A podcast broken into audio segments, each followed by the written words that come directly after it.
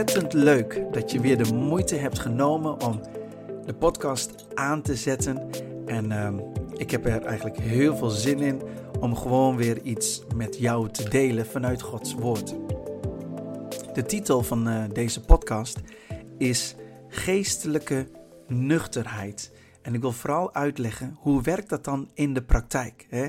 Je hebt uh, hele mooie geestelijke termen soms en dat je af en toe denkt van ja, wat moet ik daarmee? Hoe doe je dit nou concreet? En uh, ik vond deze Bijbelstudie, of ik had ergens nog in mijn gedachten dat ik deze Bijbelstudie had, en die heb ik dus ook. En deze heb ik in februari 2007 destijds gemaakt. Dat was nog in de tijd van uh, Pinkstergemeente Candimas. Toen was mijn vader nog voorganger. Dat is inmiddels 14 jaar geleden hè, dat ik dit heb gemaakt. En ik heb het gelezen en ik kan er zo één op één gewoon met jullie delen. Echt geweldig. En dat ga ik dus ook doen. Geestelijke nuchterheid. We beginnen eerst even gewoon met een paar feiten. Um, want de woorden nuchter, nuchtere of nuchterheid komen slechts in het Nieuwe Testament voor dan ga ik wel uit van de MBG-vertaling. En ik wil in ieder geval even beginnen met 1 Petrus 1, vers 13. Daar staat: Omgord dus de lendenen van uw verstand. Weest nuchter. Precies. Dat is, dat is wat Petrus tegen ons zegt. En daar willen we ook straks even op gaan inzoomen, zodat we echt gaan snappen wat geestelijke nuchterheid inhoudt. Nou, het woord nuchter betekent nuchter zijn of niet beschonken zijn. Nou, de betekenissen vertellen natuurlijk helemaal niets nieuws, maar bijbelse nuchterheid, let op hè, is een sleutel om vrij te blijven van slavernij. Bijbelse nuchterheid is een sleutel om vrij te blijven van slavernij. Nou, die Bijbelse of geestelijke nuchterheid is een sleutel om, en dan ga ik drie dingen noemen. Ten eerste, om te kunnen bidden. In 1 Petrus 4, vers 7 er staat: Het einde aller dingen is nabijgekomen. Komt dus tot bezinning en wordt nuchter, opdat gij kunt bidden. Precies. Dat is het eerste. Ten tweede, is bijbelse of geestelijke nuchterheid is een sleutel om de duivel te wederstaan. Dat lezen we in 1 Petrus 5 vers 8. Word nuchter en waakzaam. Uw tegenpartij, de duivel, die gaat rond als een brullende leeuw, zoekende wie hij zal verslinden. En dan staat er in vers 9, wederstaat hem vast in het geloof. Wederstaat hem. Maar dan moet je wel eerst nuchter zijn en waakzaam. Dan kun je hem wederstaan. Ten derde, de bijbelse of geestelijke nuchterheid is een sleutel om dwaalleer tegen te gaan. Oh, dat is zo belangrijk. Dwaalleer tegen te gaan.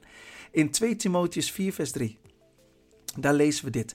Want er komt een tijd dat de mensen de gezonde leer niet meer zullen verdragen, maar omdat hun gehoor verwend is, naar hun eigen begeerte zich taal van leraars zullen bijeenhalen, dat zij hun oor van de waarheid zullen afkeren en zich naar de verdichtsels keren.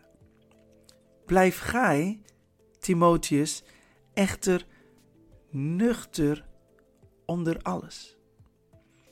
Oké. Nog even heel kort.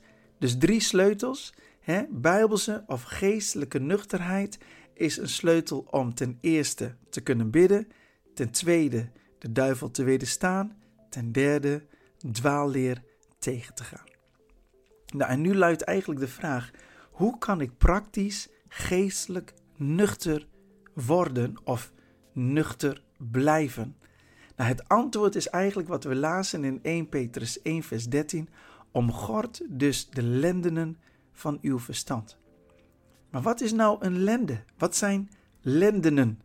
Nou, volgens de Vandalen is een lende het naar binnen buigende benedengedeelte van de rug met de aangrenzende delen van de rechter en linkerzij. Nou, ik weet niet of je daar wijzer van wordt. Uh, of je hebt er vast wel een beeld bij. Maar laat me nog even iets aanhalen als het gaat om die lende. Uh, en als het gaat om um, de lendenwervels. Er staat dit.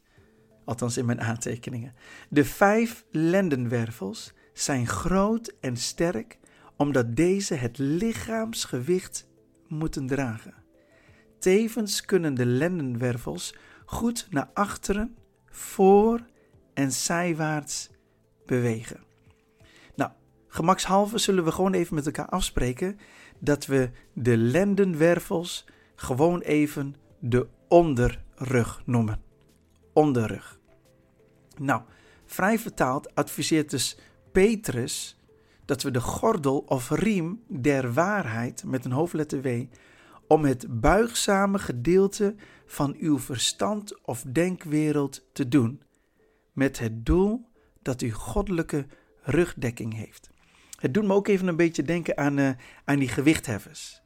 Dat heb je vast wel eens een keer gezien. Nou, die, die moeten dan zoveel kilo gaan tillen en die hebben een riem om hun rug of om de rug, zodat als het gewicht, als er extra gewicht komt op hun rug of op hun onderrug, dat die riem hun extra ondersteuning en kracht geeft voor de actie die ze moeten uitvoeren. Nou, en mocht je wel eens door je rug zijn gegaan, nou dan weet je echt hoe pijnlijk dat is. En de onderrug is ook gewoon even in een gezonde toestand, is erg buigzaam. Dat, dat moet je even voor jezelf even uh, uh, vasthouden. Hè? De gedachte dat jouw onderrug buigzaam is, maar ook ontzettend belangrijk. Dat is echt wel, ja, je onderrug heeft echt wel een soort sleutelpositie, een soort sleutelfunctie, oftewel een belangrijke functie.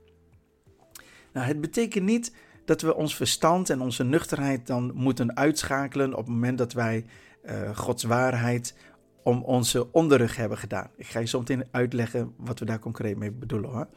Um, maar, maar het moet zich wel onderwerpen aan het verstand van God. Oké? Dus we hebben ook onze eigen denkbeelden, we hebben onze eigen dingen, maar, maar de Bijbel motiveert ons dat wil je echt die geestelijke nuchterheid. Nou, weet je, dat, dat, dat is nodig, die geestelijke nuchterheid, om te kunnen bidden.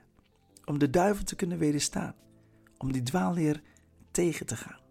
En dat kan alleen maar als je die rugdekking van God hebt. Dat, dat, je, dat jouw riem met Gods woord eh, is bekrachtigd. Zodat die riem jouw onderrug kan beschermen. Jouw geestelijke onderrug. Nou, onderwerpen aan het verstand van God is best wel lastig hoor. Weet je, de Heilige Geest legt soms dingen op je hart dat je echt denkt: Heilige Geest, dit is niet logisch. Dit, eh, hoe moet ik dit doen? Wat zullen de mensen van mij zeggen? En dan moet je, als het ware, je, je onderrug gaan gebruiken om te buigen voor God. Om te buigen, want hè, het is ook buigzaam. Maar Satan wil eigenlijk dat je gaat buigen voor Hem.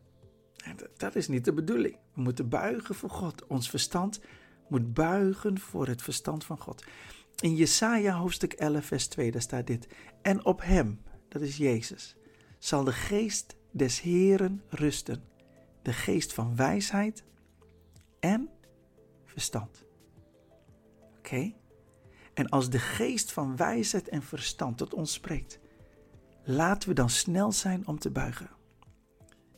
Het gebrek aan rugdekking en rugdekking met een hoofdletter R heeft tot gevolg dat uw verstand vroeg of laat voor Satan gaat buigen. Het, het gewicht van het dagelijks leven kunt u niet dragen. even weer naar die, naar die uh, gewichtheffer, om maar zo te zeggen. Er komt extra gewicht op zijn lichaam. En daarom heeft hij die riem nodig. En in het dagelijks leven kunnen wij dingen meemaken, kunnen zich situaties voordoen die extra gewicht brengen op jou of op uw leven. En als er dan extra gewicht komt, dan is het heel fijn dat jouw buigzame onderrug ondersteuning krijgt vanuit Gods woord. Zodat we in elke situatie kunnen blijven bidden. Zodat we in elke situatie de duivel kunnen wederstaan. En dat we in elke situatie de dwaalleer tegen durven te gaan. En dat we niet bezwijken door de situatie dat op dit moment in ons leven plaatsvindt. Weet je, het geestelijke dronkenschap betekent eigenlijk gewoon in de context van wat ik met je wil delen, is dat je verschillende alcoholische gedachten tot je hebt genomen in de vorm van bijvoorbeeld roddel, valse doctrines, verzinsels, eigenwaarheden, misleidende emoties enzovoort. Lees maar eens in 2 Korintiërs hoofdstuk 10, vers 4 tot en met 6. En weet je, ik noem het bewust alcoholische gedachten, want, want dat is ook een mooie eh, tegenstelling als het gaat om nuchter zijn en dronken zijn. Dan weten we dat het dus mogelijk is dat je aan deze alcoholische gedachten verslaafd bent geraakt. Dat kan soms, hè? Dat, dat je weet dat het niet goed voor je is als het gaat om roddel. Je weet dat het niet goed is, alle verzinsels die je bedenkt en een andere vertelt misschien wel. Je weet dat het niet goed is, die misleidende emoties, maar je bent er zo gewend aan geraakt dat het een verslaving is en dat wij niet meer vrij zijn. We zijn eigenlijk weer slaaf geworden, terwijl Jezus Christus ons heeft vrijgekocht van zonde. Vrij heeft gekocht om een slaaf te zijn. Wij, wij mogen God de Vader zelfs Abba Vader noemen. We zijn geen slaven meer. We zijn kinderen van God geworden. Maar soms zijn wij vaak kinderen van God geworden als het gaat om onze positie in de geesteswereld. Maar in ons dagelijks leven hebben dan, kan het zijn dat we nog steeds zo'n slaafse houding en levensstijl hebben. Laten we nuchter worden. Het is echt niet meer nodig. Weet je, en al deze alcoholische gedachten, die bedwelmen u. En, en hierdoor ja, ben je eigenlijk een eenvoudige prooi voor Satan geworden. Weet je waarom? Ah, Satan heeft al eeuwen manipulatietraining achter de rug. Laten we ervoor zorgen dat die gedachten ons niet meer kunnen bedwelmen. De bijbelse of geestelijke nuchterheid, dat wordt echt werkelijkheid als we ons opnieuw gaan bekeren tot de waarheid. Nog een keer. De bijbelse of geestelijke nuchterheid, hè, als, we, als we weten dat wij ook zelf verslaafd zijn geraakt aan alcoholische gedachten, ja, dan, dan wordt die nuchterheid alleen maar werkelijkheid als we ons gaan bekeren tot God. Dat we echt zeggen, Heer Jezus, ik erken dat ik verslaafd ben aan roddel. Ik ben verslaafd geraakt aan die valse doctrines. Ik ben verslaafd geraakt aan mijn eigen waarheden. Maar ik wil me bekeren tot u. Wilt u mij reinigen, Heer Jezus, met uw kostbaar en dierbaar bloed. Van elke zonde, elke overtreding, elke ongerechtigheid, elke alcoholische gedachte. Maak mij vrij. Maak mij vrij. En wilt u plaatsnemen op de troon van mijn verstand, zou ik eigenlijk willen zeggen. Weet je, een praktisch de waarheid met een hoofdletter W plaats laten nemen op de troon van jouw verstand is God gehoorzamen, ondanks dat u hem niet begrijpt. Dan maak je het heel concreet. Dan maak je het heel praktisch. Dat betekent niet dat je je verstand moet uitschakelen. Dat betekent ook niet dat je naïef moet zijn. Dat betekent niet dat je gewoon als het ware je vingers in je oren moet doen en zeggen bla bla bla bla. ik weet gewoon niks, ik hoor niks, ik doe maar gewoon wat God van mij vraagt en niks. Nee, nee. Je kan nog steeds worstelen met wat God van jou vraagt. Maar in die worsteling buig je als het ware je onderrug voor datgene wat God doet in je leven. Dat is praktische nuchterheid. Bijbelse nuchterheid. Geestelijke nuchterheid. En, en dan is het zo verleidelijk om weer terug te vallen op die alcoholische gedachten waar je zo vertrouwd mee bent. Dat je echt denkt, oh, ik, ik, ik, wil dit niet. Weet je wat het eigenlijk, wat dat um, eigenlijk laat weten als je dit gevoel hebt, als je die neiging hebt om terug te gaan in de alcoholische gedachten? Dat zijn afkikverschijnselen. Afkikverschijnselen. En dat je weer helemaal je lichaam, je geestelijk leven moet helemaal weer gaan wennen aan nuchterheid. Moet wennen dat die alcoholische gedachten niet meer binnenkomen. Dat ze geen toegang meer hebben in je leven. In Efeziërs hoofdstuk 6 vers 14 daar staat: Stelt u dan op uw lendenen omgord met de waarheid.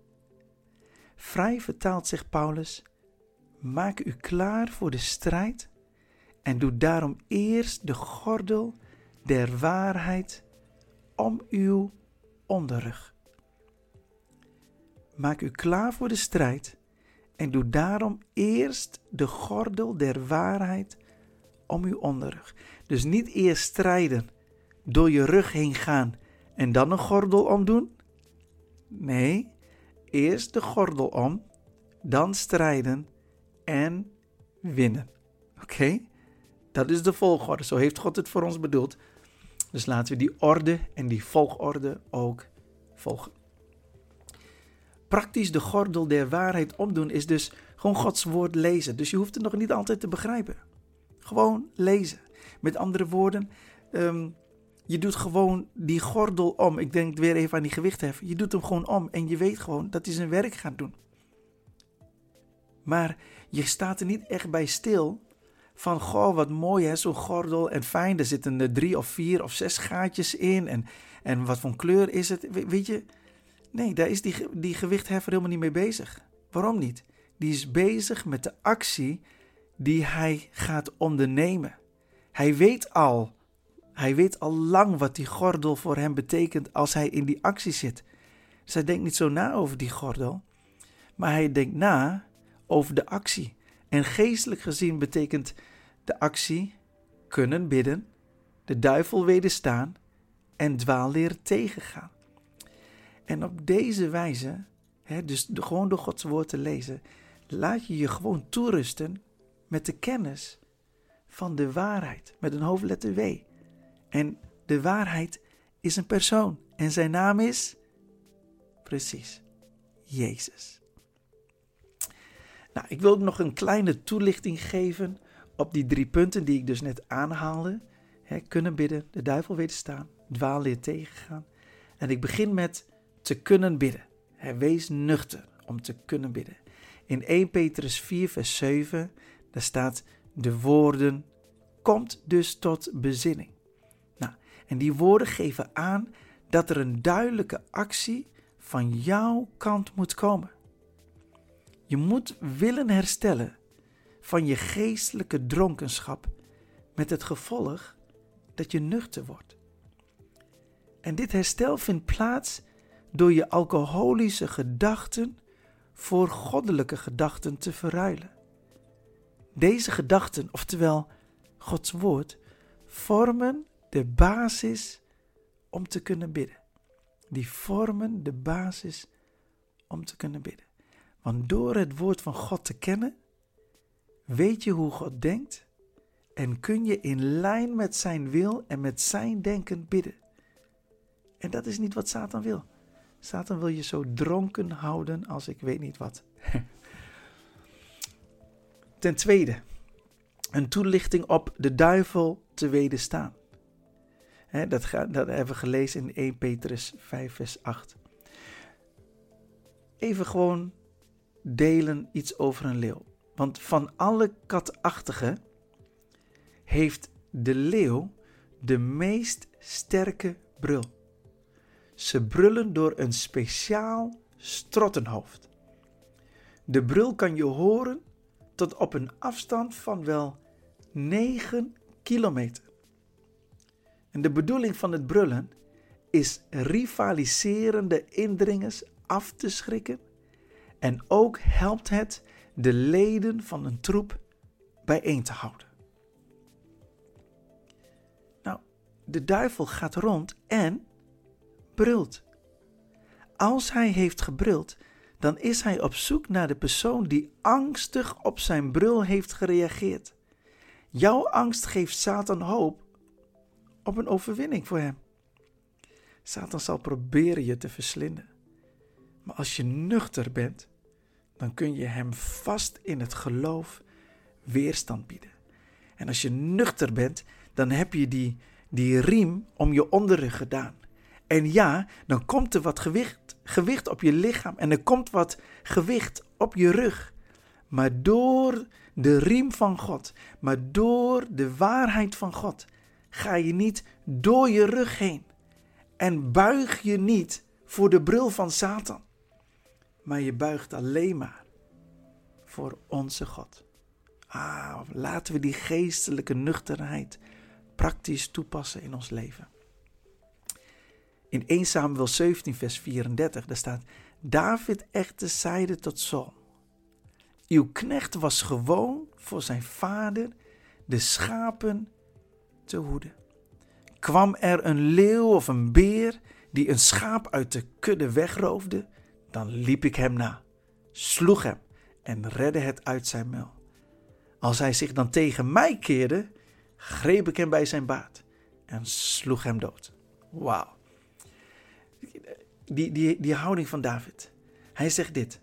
Kwam er een leeuw of een beer die een schaap uit de kudde wegroofde, dan liep ik hem na. Hij dacht niet zo van, nou, oké, eh, nou ja, er is één schaap uh, geroofd. Ja, sorry hoor, ja, ik, ik ga ook niet achter die leeuw aanlopen. Nou ja, dan maar één schaap kwijt. Ik heb er nog genoeg over. Nee, nee, hij zegt, ik liep hem na. Ik sloeg hem en redde het uit zijn muil.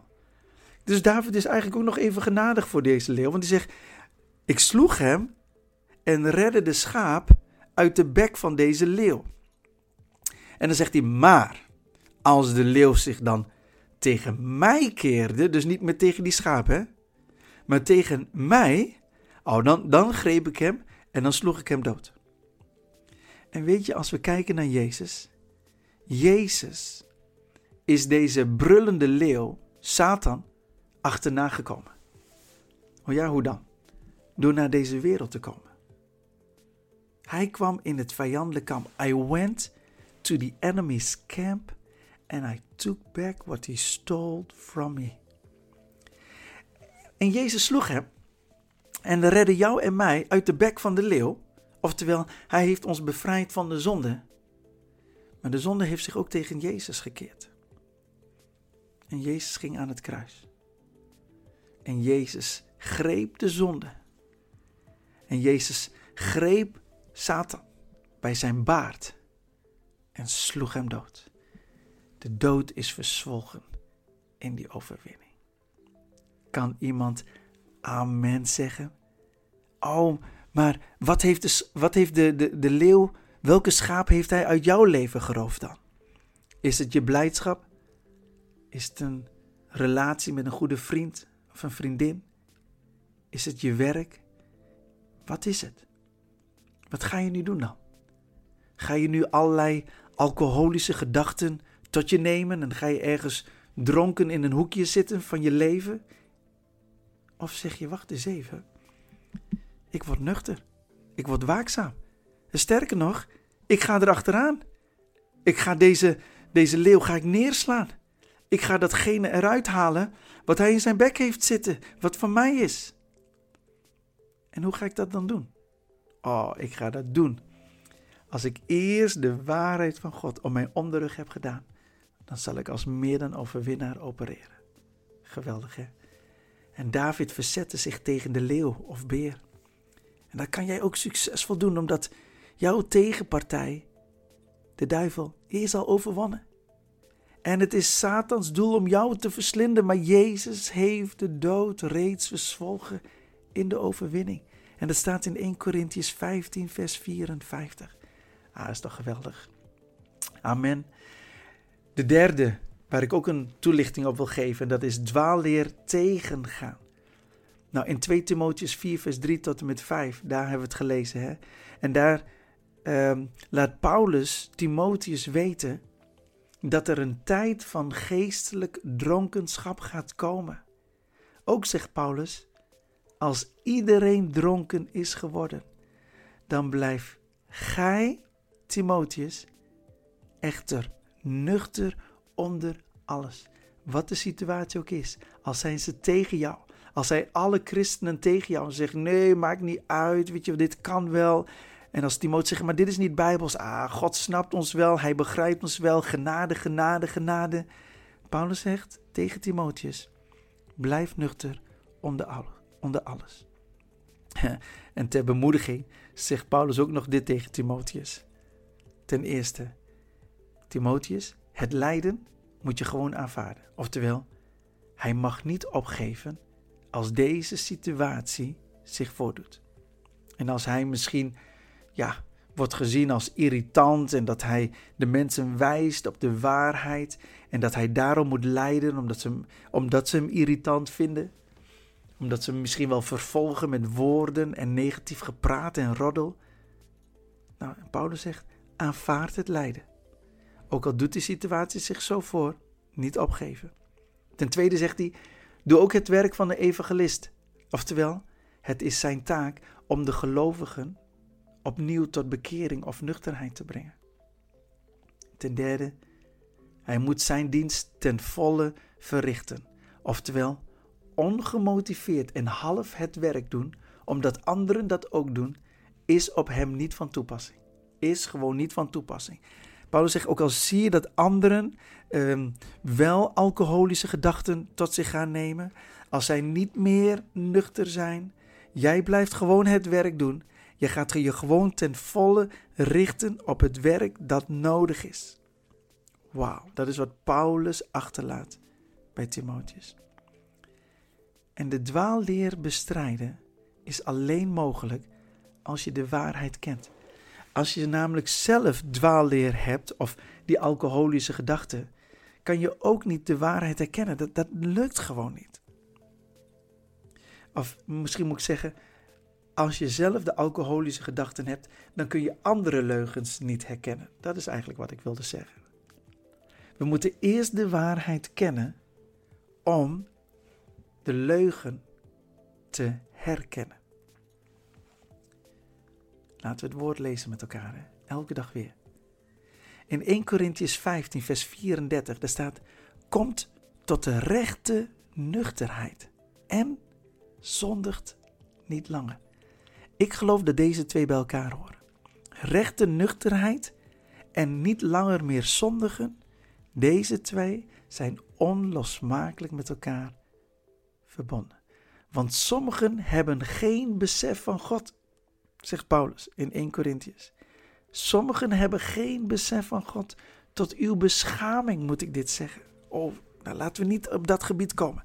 Laten we daar weg van blijven. Dat deze vermaning ons bewijs van spreken nooit, eh, nooit op ons van toepassing is. Dat kunnen we niet altijd garanderen, maar zoveel mogelijk.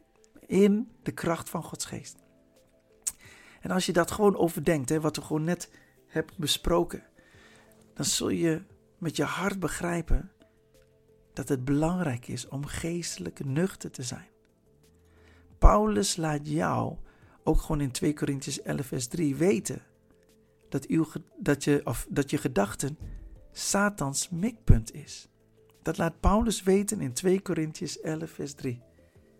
Want daar staat, maar ik vrees dat misschien, zoals de slang met haar sluwheid Eva verleiden. Let op. Er staat: Uw gedachten van de eenvoudige en loutere toewijding aan Christus afgetrokken zullen worden. Het doel van de slang is om jou te verleiden tot ontrouw ten opzichte van jouw verlosser. Hoe? Door middel van bedrog. Weet je, het woord verleiden is vanuit het Grieks exapatao. En dit betekent dat degene die men bedriegt door het bedrog uit zijn normale doen of denken weggeleid wordt. Uit zijn normale doen of denken. Nou, dit is echt heel eenvoudig in beeldspraak te gieten. Want iemand die dronken is, die is ook uit zijn normale doen. Toch? Misschien ben je zelf wel eens dronken geworden, uh, geweest. Um, dan ben je ook even uit je normale doen. En jouw denken, die is ook heel anders. En nou, ze zeggen wel eens, hè, dronken mensen en kleine kinderen spreken de waarheid. Dus dat komt allemaal bovendrijven. En, en dat je echt denkt, nou weet je, wat, wat die zegt, laat me even gaan. Die gast is gewoon hartstikke dronken. En op dat moment kan je zo'n iemand, ook in wat hij zegt, kun je gewoon niet serieus nemen. Je is hartstikke dronken. En in het geestelijke is dat ook zo. Satan wil gewoon dat je uit je normale doen komt, dat je uit je goddelijk denken komt, zodat we je niet meer serieus nemen. Het slaat nergens op wat je zegt. Je brabbelt maar wat. Nou, dat is toch niet wat we willen? Nee, tuurlijk niet. Maar om even die beeldspraak te hebben, dan is dat ook misschien makkelijker te onthouden. En Jezus bood die bedriegelijke verleidingen van de duivel weerstand. En je weet dat hij de verzoekingen bevocht met de woorden: Er staat geschreven. Weet je nog die drie verzoekingen in Matthäus 4? En hierdoor slaagde de duivel er niet in, oh prijs God, de duivel slaagde er niet in om Jezus te verleiden tot ontrouw. Tot ontrouw ten opzichte van wie? Ten opzichte van zijn vader. Want hij was gekomen met een doel en met een plan van zijn vader. En de duivel wilde Jezus uit zijn normale doen halen en uit zijn normale denken. Maar prijs God. Oh, Jezus heeft laten zien dat het woord van God zo krachtig is dat het de duivel zelf kan wederstaan. Halleluja. En dat voorbeeld van Jezus, dat leert jou en mij dat het omgorden van de lendenen van ons verstand een machtig wapen is. Een machtig wapen Dus je kan echt heel praktisch die geestelijke nuchterheid in je leven toepassen. Ik zou eigenlijk willen zeggen: laat de geestelijke wijnflessen staan. Elk gedachtegoed dat niet in overeenstemming is met Gods woord, moet actief bestreden worden. Als je dit niet doet, dan is de basis voor een bolwerk gelegd. 2 Korintiërs hoofdstuk 10 vers 3 tot en met 6. Dan kun je dat nalezen voor jezelf. Laat me je heel even uitleggen wat een bolwerk is. Een bolwerk is een vaste plaats of vesting in jouw gedachtenwereld. En waarom moet dit bolwerk bestreden worden? Omdat het menselijke redeneringen en gedachten bevat die zich tegen de wil van God verzetten. Die zich tegen de wil van God verzetten. Wauw. Ik heb hier een citaat van José Carlos Somoza. Vraag me niet wie, wie deze persoon is.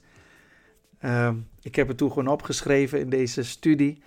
En die is nog steeds van toepassing volgens mij. En hij zegt dit.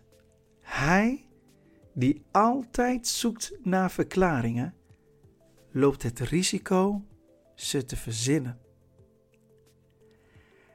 En, en Satan wil ook dat wij, zodra wij niet kunnen verklaren wat God doet in ons leven, hebben we soms de neiging om gewoon dingen te verzinnen. En wat we allemaal zelf verzinnen, wat helemaal niet voortkomt vanuit Gods geest, dat zijn van die alcoholische gedachten.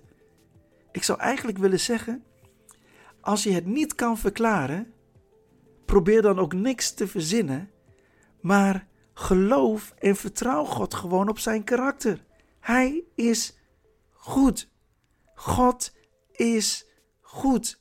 Daar kun je gewoon op vertrouwen, ook al ziet het er niet zo uit. Maar stop met zoeken naar verklaringen.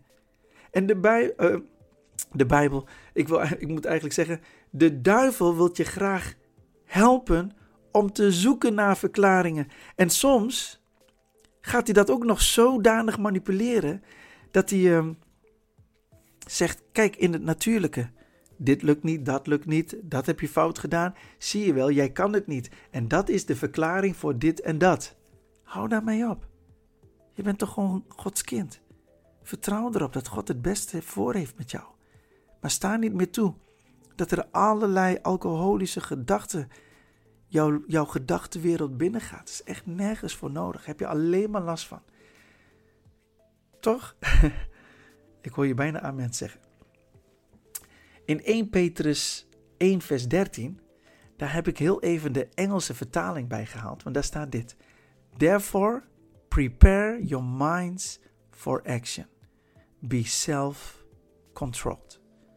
Prepare your minds for action. Nou, deze tekst laat jou zien, dus vanuit het Engels, en laat jou weten dat je je verstand klaar moet maken voor actie, zodat je kunt bidden, de duivel kunt wederstaan en dwaalleer kunt tegengaan. Wanneer kun je het beste tot actie overgaan? Als je dronken bent of als je nuchter bent? Ja, haha, dat is eenvoudig. Ja, maar zo eenvoudig is het ook.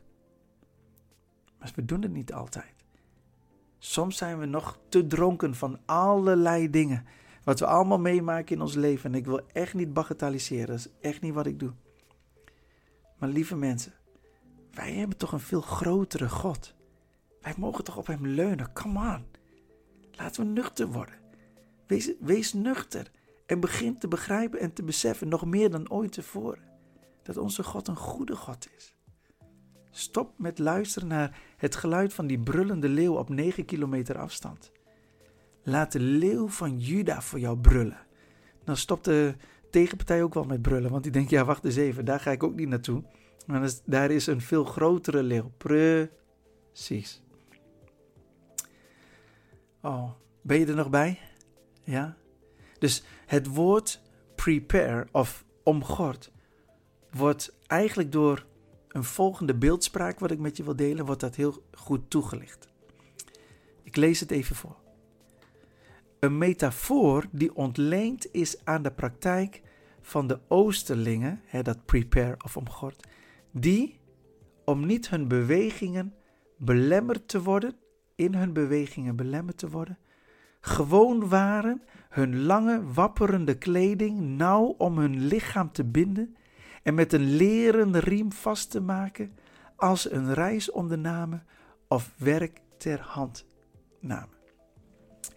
Nou, met andere woorden, in die Oosterse kleding, dat was echt van die wapperkleding, zeg maar. Het hing zo slobberig om je lichaam heen. Maar als ze overgingen tot actie, dan gingen ze blijkbaar dus een riem, gingen ze dus omdoen, waarin ze dus probeerden om zoveel mogelijk van die wapperende kleding daarmee bij elkaar te houden. Ehm, maar het kan ook als je bijvoorbeeld kijkt naar mensen met lang haar. Of voetballers met lang haar, om maar even zo te zeggen. Dat ze dan toch nog even gewoon ehm, met een elastiekje hun haren vastmaken. Omdat ze overgaan tot actie. En dan is het handig dat de boel een beetje bij elkaar blijft. Dat idee. En nou ja, weet je, als het allemaal een beetje wappert en allemaal een beetje om je heen hangt ja, daar wordt het allemaal niet makkelijker van. En het is zelfs mogelijk dat je kleding zodanig wappert dat je er overheen kunt struikelen. En dan kom je ten val. Dat is echt niet nodig. Weet je, de lange, wapperende kleding weerspiegelt menselijke redeneringen en gedachten die het bewegen in God belemmeren. Daarom moet de riem der waarheid de kleding omhoog houden met het doel dat je niet struikelt, oftewel dat je klaar bent voor de strijd. Het is gewoon tijd voor actie.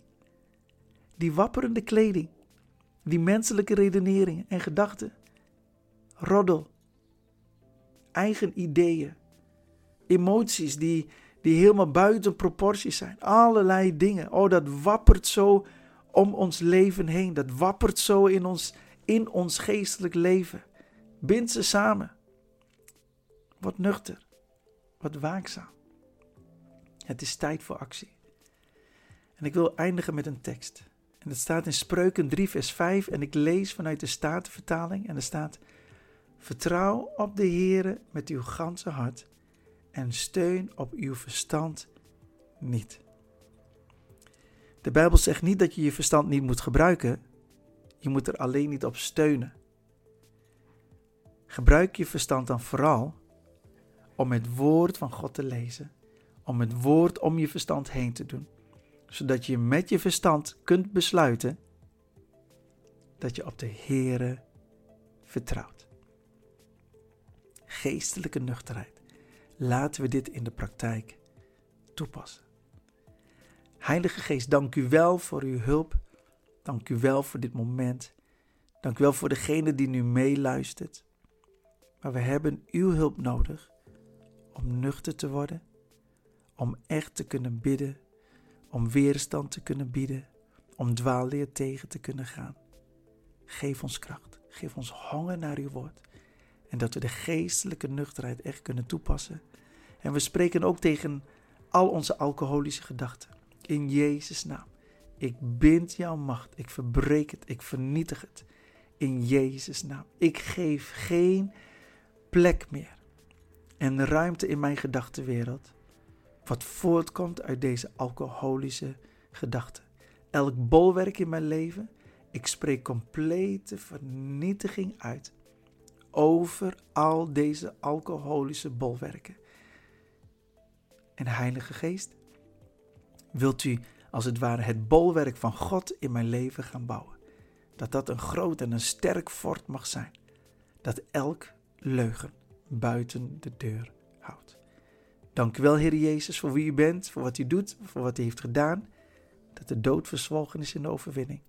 En dat uw Heilige Geest mij helpt om praktisch dat overwinningsleven te leven. In Jezus' naam. Amen.